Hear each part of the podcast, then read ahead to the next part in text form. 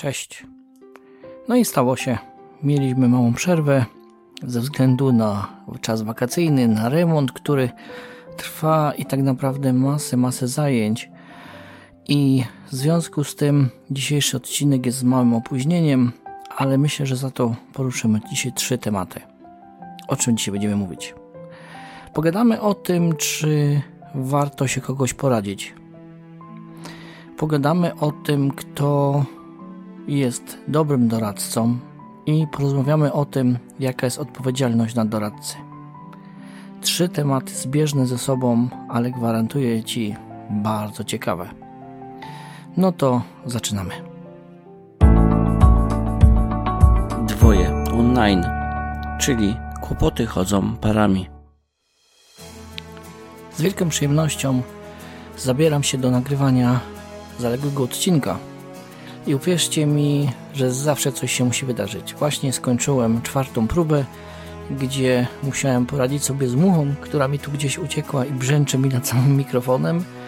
E, za oknem przed chwilą jechała karetka, szczekał pies i cały czas coś, coś się dzieje, żeby tylko nie nagrać. Ale jestem zawzięty, działamy w wspólnym dobrym celu. Dzisiejszy temat podzielony jest na trzy części. Pierwsza część. Czy się poradzić? Doradztwo. Przychodzi taki moment, myślę, w życiu każdego małżeństwa, oby ich było jak najmniej, ale już wiemy, że kłopoty to rzecz oczywista, że zaczynamy się orientować, że coś jest nie tak. Zaczynamy się orientować, że coś nie jest tak, jak powinno być, że tak naprawdę nie wiemy, co to może być. Jeżeli słuchałeś poprzednich odcinków, to pewnie pamiętasz takie zdanie, które kilka razy tutaj padło, że ważne jest to, co wiesz. Natomiast dużo niebezpieczniejsze jest to, czego nie wiesz. I powiem Ci, że jeżeli przyszło Ci do głowy taka myśl, że coś się dzieje nie tak, to może na ten temat z kimś porozmawiać. Czy to jest dobry pomysł? Patrząc z mojej perspektywy, myślę, że to jest bardzo dobry pomysł, ale ciężko to czasami zrealizować. Dlatego, że jeżeli mamy jakiś problem w naszym małżeństwie, w naszym związku, to często się dzieje w ten sposób, że walczymy z naszymi myślami, że przychodzi nam do głowy bardzo różne pomysły typu a może mi się wydaje, a może trochę przesadzam, a może e, to samo przejdzie. O tym też mówiliśmy w etapach naszego małżeństwa. I powiem Ci coś, co ostatnio do mnie dotarło, że jeżeli Ci przyszło do głowy, że coś się dzieje nie tak, to myślę, że bardzo dobrym elementem jest to, żeby coś z tym zrobić. Oczywiście może się okazać, że wystarczy usiąść ze swoim małżonkiem, swoją małżonką, e, przy wspólnej kawie na dobrych lodach, szczególnie w taką pogodę jak teraz, i zapytać: Słuchaj, wiesz, coś tu jest nie tak, może, może powinniśmy porozmawiać. I jeżeli miałbym to ocenić, to to jest chyba najlepsze, co tylko może się wydarzyć. Problem polega na tym, że czasami niestety nie jest to możliwe. Może zauważysz, albo może udało Ci się zauważyć, że właśnie tym czymś, co jest nie tak, od czego coś się zaczyna, to jest właśnie brak komunikacji. Jeżeli zauważasz, że w Twoim małżeństwie zaczyna brakować komunikacji, to prawie na pewno mogę Ci powiedzieć, że coś się zaczyna dziać. Oczywiście nie wiem, jaka to jest skala i tego nikt nie wie do końca ale na pewno jest to taka czerwona kontrolka, która powinna natychmiast postawić Twoje siły, aby coś z tym zrobić. Oby nie było za późno. Problem komunikacji to jest olbrzymi problem. Jeżeli tej komunikacji nie ma, no to nie możemy reagować. W związku z tym czasami łatwiej jest porozmawiać z kimś z zewnątrz, czyli kogoś się poradzić. I nie ukrywam, że najlepiej się poradzić takich osób, które miały już pewne doświadczenia, które przeszedły pewne problemy. Nie mówię tutaj w tej chwili o nas, bo niekoniecznie musimy się znać, ale wydaje mi się, że to jest najwłaściwsze, żebyś się skontaktował po prostu z kimś, kto podobne problemy doświadczył, kto przeszedł taki kryzys i ktoś, kto może ci praktycznie podpowiedzieć, co w danej sytuacji robić. Oczywiście nie ma tutaj idealnego rozwiązania, nie ma rozwiązania, które gwarantuje w każdej sytuacji super rozwiązanie. Natomiast o wiele prościej będzie ci z kimś porozmawiać, opowiedzieć mu o tym, choćby tylko po to, żeby to zrzucić z siebie. Bo może się okazać, że faktycznie przesadzasz. Może się okazać, że w ogóle nie ma problemu. A może się okazać, że czegoś nie widzisz i ktoś, patrząc na sytuację z boku, jako postronny obserwator, może coś ci podpowiedzieć. Samo poradzenie się kogoś, nie tylko w dziedzinie małżeństwa, ale w innych, jest rzeczą ogólnie przyjętą i stosujemy to bardzo często. Doradzamy się rodziców, znajomych co do zaciągnięcia kredytu, czy zakupu samochodu, czy zakupu roweru, czy kupienia po prostu psa jakiejś konkretnej maści. W sytuacji, gdzie jest coś niebezpiecznego, coś co się dzieje, co ma związek z naszym małżeństwem, no sprawa już nie jest taka prosta. Jadąc tutaj z pracy dzisiaj zastanawiałem się, czy można powiedzieć jakiś przykład. I w sumie no, tych przykładów mogło być dużo. Oczywiście pewne inna, inne przykłady będą działały dla kobiety, inne dla mężczyzn, ale taki jeden przykład, który może podam przynajmniej, który może być powiedzmy uniwersalny. Znowu tutaj mamy atak muchy. To przykład, że mamy dziecko i dziecko boli ząb i teraz chcemy się kogoś poradzić.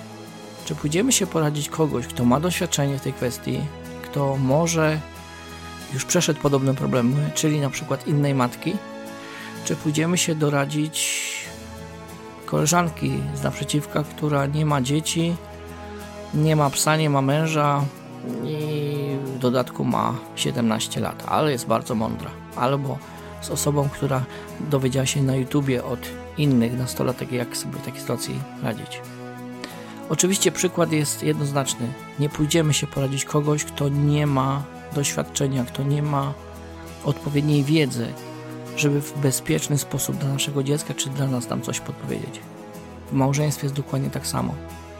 Jeżeli chcemy się kogoś poradzić, poradźmy się takich osób, do których mamy zaufanie, ale też do takich osób, które są w stanie nam podpowiedzieć coś i możemy to w jakiś sposób zweryfikować. Czasami jest tak, że idziemy do doradców, na przykład z naszej bezpośredniej rodziny, naszych rodziców, teściów. Czy to jest dobry doradca? Powiem szczerze, nie wiem. Wydaje mi się, że na pewno warto się liczyć zdaniem takich osób, natomiast może to być troszeczkę niebezpieczne. O tym powiem za chwilę, jakiego doradcę nie iść. Czy się poradzić?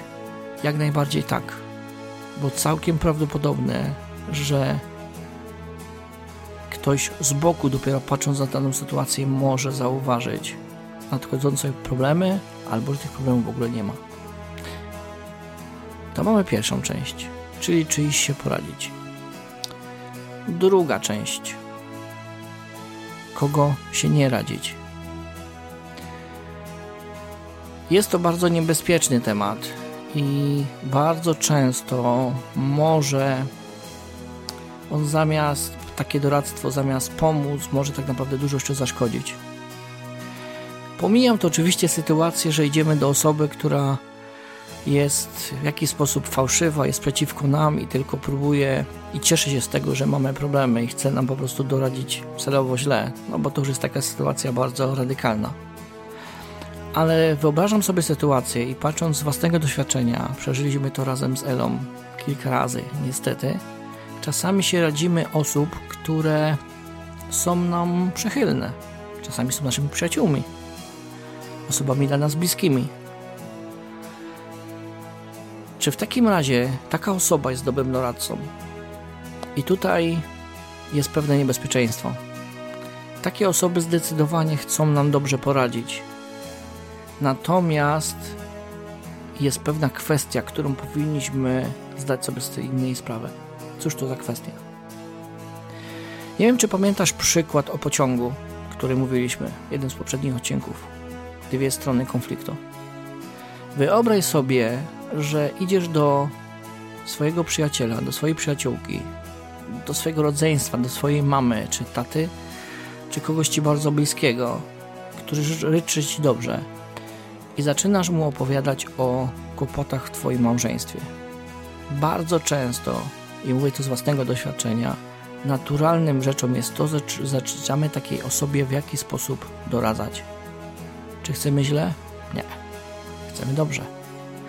Natomiast może się okazać, nie że tak musi być za każdym razem, ale może się okazać, że ten nasz doradca nie wie o pewnych rzeczach.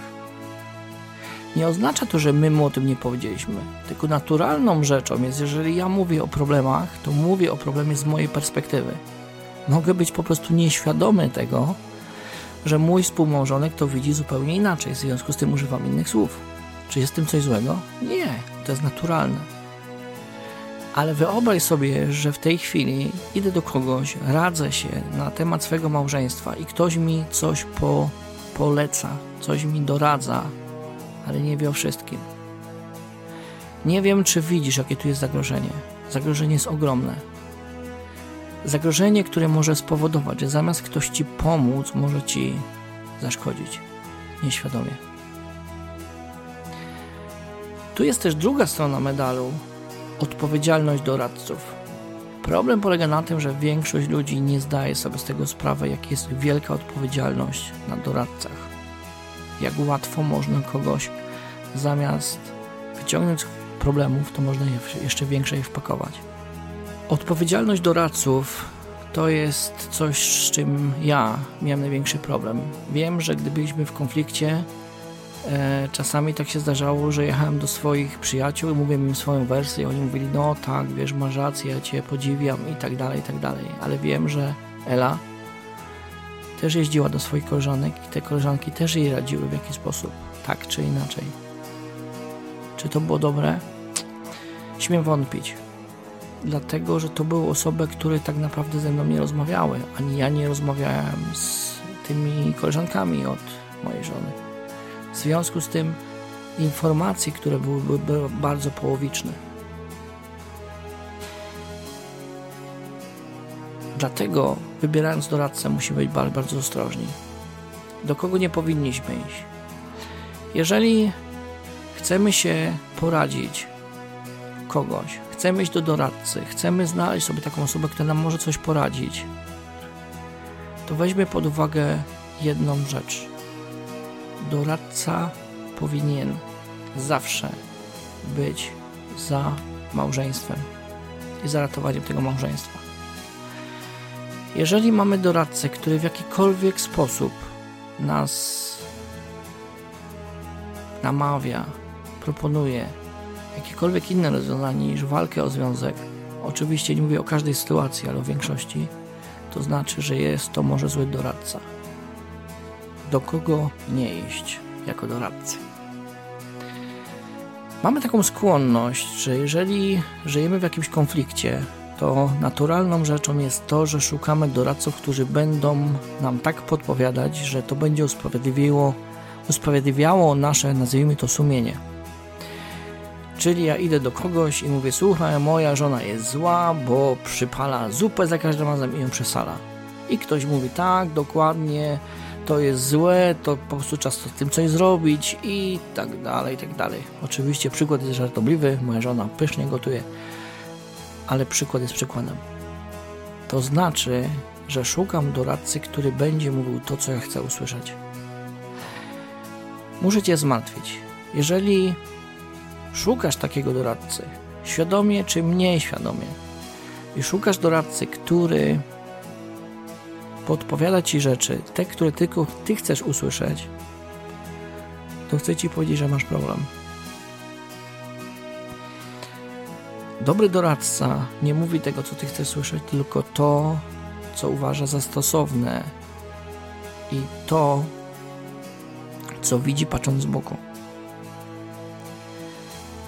Czasami się dzieje tak, że też własnego doświadczenia, że szukamy doradców, szukamy osób, którymi możemy się wygadać. I te osoby w pewnym momencie mówią: O, tutaj znowu moje ulubione hasło mojej żony, czyli ty musisz zrobić to czy to. I powiem Wam, że czasami tak się dzieje, że takie, tacy, tacy doradcy momentalnie przestają być tymi doradcami. Dlatego, że mówią rzeczy, które są właśnie opatrzone słowem musisz, powinnaś, powinieneś, bo tak czy inaczej. Dobry doradca powinien wysłuchać Cię i ewentualnie zadać Ci kilka pytań. Zadać Ci pytania, które mogłyby tak naprawdę skłonić Cię do zadania sobie innego pytania. Co ja bym zrobił gdyby? Albo co powinienem zrobić? Albo jak może to odebrać ta druga strona? Albo jakie może popełniam błędy, które powodują, że zamiast być lepiej jest gorzej i tak dalej, i tak dalej. Powinien doradca sprowokować się do zadania sobie innego pytania, do szukania odpowiedzi, co jest nie tak. Mówiliśmy o tym, czy warto się poradzić. Tak. Mówiliśmy o tym, kto nie jest dobrym doradcą. I mówiliśmy o tym, jaka jest odpowiedzialność na doradcach. Oczywiście nie chcę, żeby to słowo doradca było traktowane czy odbierane przez Ciebie jako to zło konieczne. Tak jak powiedziałem w pierwszej części, warto się poradzić czasami i warto się poradzić kogoś, kto już to przeszedł. Dlaczego? Dlatego, że możliwe, że on widzi dużo więcej, słyszy dużo więcej w danej sytuacji. I to jest jakiś wskazówka, do kogo się powinniśmy poradzić. Co zrobić w sytuacji, gdy nie mam takiej osoby? Można iść do osób, które, które darzysz autorytetem, które są dla ciebie autorytetem. Ale też to są osoby, które mają pewnego rodzaju doświadczenie. Przynajmniej w małżeństwie, w rozwiązywaniu konfliktów czy prowadzeniu te, tego typu rozmów. Najłatwiej iść do osoby, która jest blisko nas i która na pewno wiem, że nam coś dobrego podpowie, albo podpowie nam to, co chcemy usłyszeć. Natomiast to nie jest dobre dla nas. Czy zatem warto się radzić? Tak, ale osób, które mogą coś dobrego wnieść, mogą ci dać jakąś mądrą, właściwą poradę, które mają doświadczenie. Czy Trzeba zwracać uwagę, kogo się doradzamy? Dokładnie tak. Dlatego, że musimy mieć świadomość, że jeżeli wybierzemy złego doradcę, ta osoba nawet nieświadomie może nas wpędzić jeszcze większe kłopoty. I zrobi to naprawdę nieświadomie. Po trzecie, odpowiedzialność. Jeżeli ktoś ciebie się radzi w takich sytuacjach, do których ty nie masz, do, nie masz doświadczenia, zdawaj sobie z tego sprawę. Zdaj sobie z tego sprawę, że poradzenie czegoś na podstawie braku informacji może mieć fatalne skutki. I to by było na tyle. Myślę, że ten odcinek jest troszkę dłuższy, ale mówiący o ważnych rzeczach. Doradztwo w małżeństwie, doradztwo w kryzysie małżeńskim, czy w sytuacji, gdzie może być taki kryzys, jest bardzo ważne. To by było na tyle.